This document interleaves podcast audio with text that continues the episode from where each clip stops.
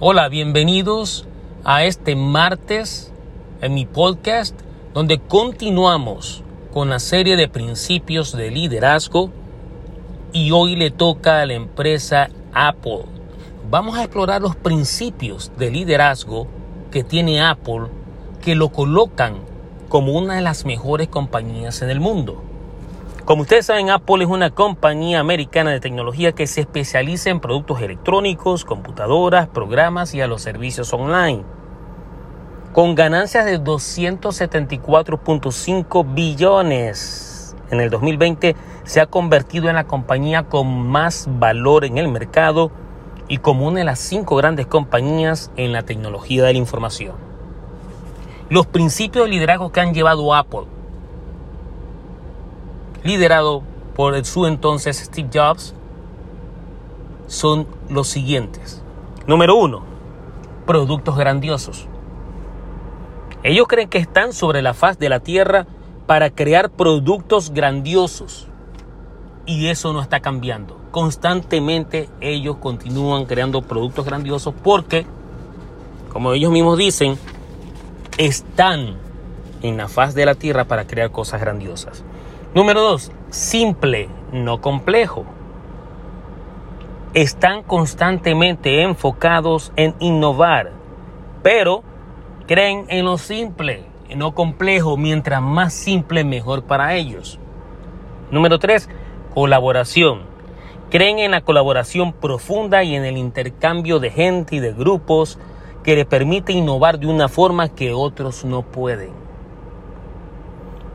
Número cuatro, dicen no. Creen en decir no a miles de proyectos, así que realmente se enfocan en pocos que son importantes y tienen significado para ellos. Este principio es muy importante.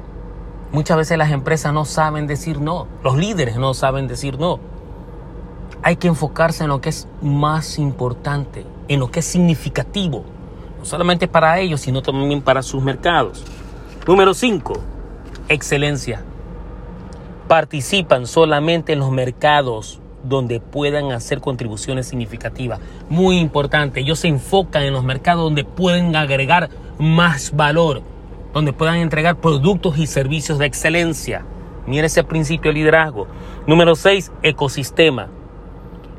Creen que necesitan adueñarse y controlar las tecnologías detrás de los productos que hacen. Ellos no solamente se enfocan en hacer productos, sino que ellos quieren adueñarse de todo el ecosistema, de toda la cadena de valor para crear esos productos, desde principio a fin.